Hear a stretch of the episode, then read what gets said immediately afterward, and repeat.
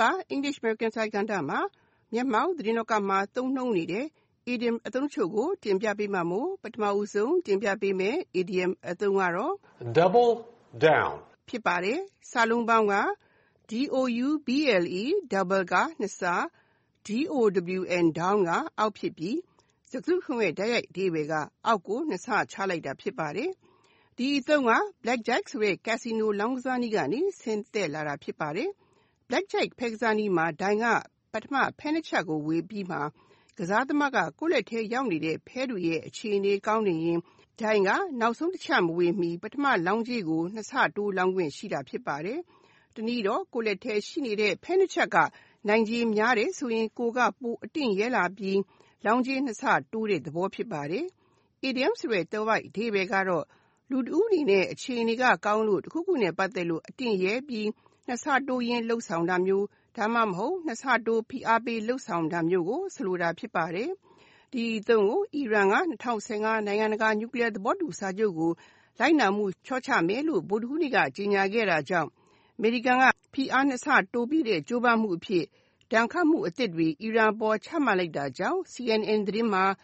US set to double down on maximum pressure as Iran eases adherence to nuclear deal ဆိုတဲ့ခေါင်းကြီးနဲ့ရေးသားခဲ့တာဖြစ်ပါတယ်။ဒီအသုံးနဲ့ပတ်သက်တဲ့ George ကိုပေးတဲ့ဥပမာကိုလေ့လာကြည့်ကြရအောင်ပါ။ The people need to double down on their calls for press freedom in the country. လူတွေအနေနဲ့နိုင်ငံမှာသတင်းလွတ်လပ်ခွင့်ရရှိရေးအတွက်နှစ်ဆတိုးဖိအားပေးတောင်းဆိုသင့်ကြတယ်လို့အဓိပ္ပာယ်ရပါတယ်။ဥပမာကိုနောက်တစ်ခေါက်လေ့လာကြည့်ကြရအောင်ပါ။ The people need to double down on their calls for press freedom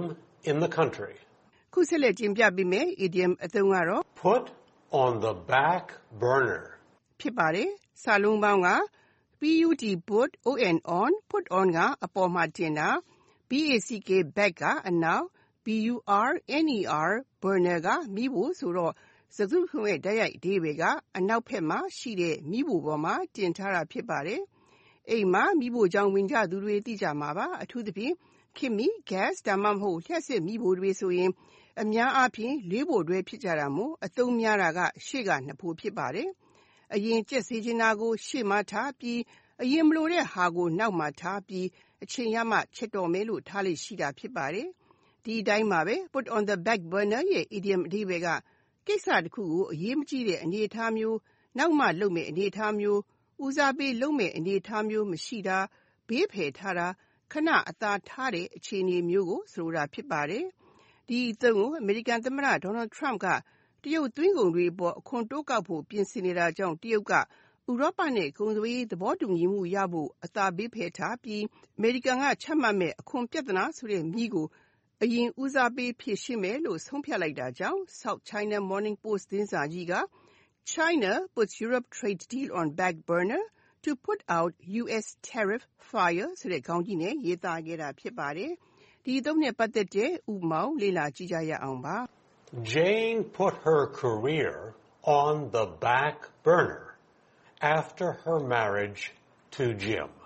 Jane က Jim နဲ့အိမ်ထောင်ကျပြီးနောက်ပိုင်းသူ့ရဲ့အလုပ်အကိုင်ရှေ့ရေးကိုဦးစားမပေးတော့ဘူးလို့အဓိပ္ပာယ်ရပါတယ်။ ဥပမာကိုနောက်တစ်ခေါက်လေ့လာကြည့်ကြရအောင်ပါ။ Jane put her career on the back burner after her marriage to Jim. ခုနောက်ဆုံးတင်ပြပေးမယ့် idiom အသုံးကတော့ To hang by a thread. ဖြစ်ပါတယ်။စာလုံးပေါင်းက hang by to hang by ကတွဲလောင်းကျနေတာချိတ်နေတာ a thread ကအချည်တမြင်ဖြစ်ပြီး စကားစုတခုလုံးရဲ့တိုက်ရိုက်အဓိပ္ပါယ်ကအချည်တမြင်နဲ့တွဲလောင်းကျနေတာဖြစ်ပါတယ်။ဒီအသုံးမှာ thread အစားဆံချည်မျှင်လို့အဓိပ္ပါယ်ရတဲ့ hair နဲ့အစားထိုးပြီး to hang by a hair လို့လည်းသုံးလို့ရပါတယ်။ Idiom ဆိုတဲ့သွယ်ဝိုက်အဓိပ္ပါယ်ကတော့တခုခုပြတ်ကျဖို့အချည်တမြင်စာဒါမှမဟုတ်ဆံချည်တမြင်စာလောက်ပဲလိုတော့တယ်ဆိုတဲ့သဘောအတိုင်းအခြေအနေတခုခုဟာပျက်စီးဖို့ပျက်သုဉ်းဖို့တည်းတည်းလေးလိုတော့တဲ့အနေအထားမျိုးကိုဆိုလိုတာဖြစ်ပါတယ်။ ကျမတို့မြန်မာမှာတော့ တခုခုဖြစ်ဖို့တည်တည်လေးလိုတော့တဲ့ အနေအထားမျိုး ဖြစ်ပါတယ်။ဒီအသုံးကို အမေရိကန်ကို တရုတ်က တင်သွင်းနေတဲ့ ဒေါ်လာဘီလီယံ200ဘိုးရှိတဲ့ တရုတ်ကုန်စည်တွေအပေါ် သမ္မတ Trump က အခွန်25ရာခိုင်နှုန်းထိ စည်းကြပ်ဖို့ ပြင်ဆင်နေတဲ့အတွက် အာရှ stock ဈေးကွက်တွေကျပြီး အမေရိကန်နဲ့ တရုတ် ကုန်သွယ်ရေး ဆွေးနွေးပွဲတွေလည်း ပျက်သုဉ်းဖို့တဲတဲလေး ရှိနေတဲ့အတွက် Asia Times သတင်းစာကြီးက China-US trade talks hang by a thread ဆိုတဲ့ ခေါင်းကြီးနဲ့ ရေးသားခဲ့တာ ဖြစ်ပါတယ်။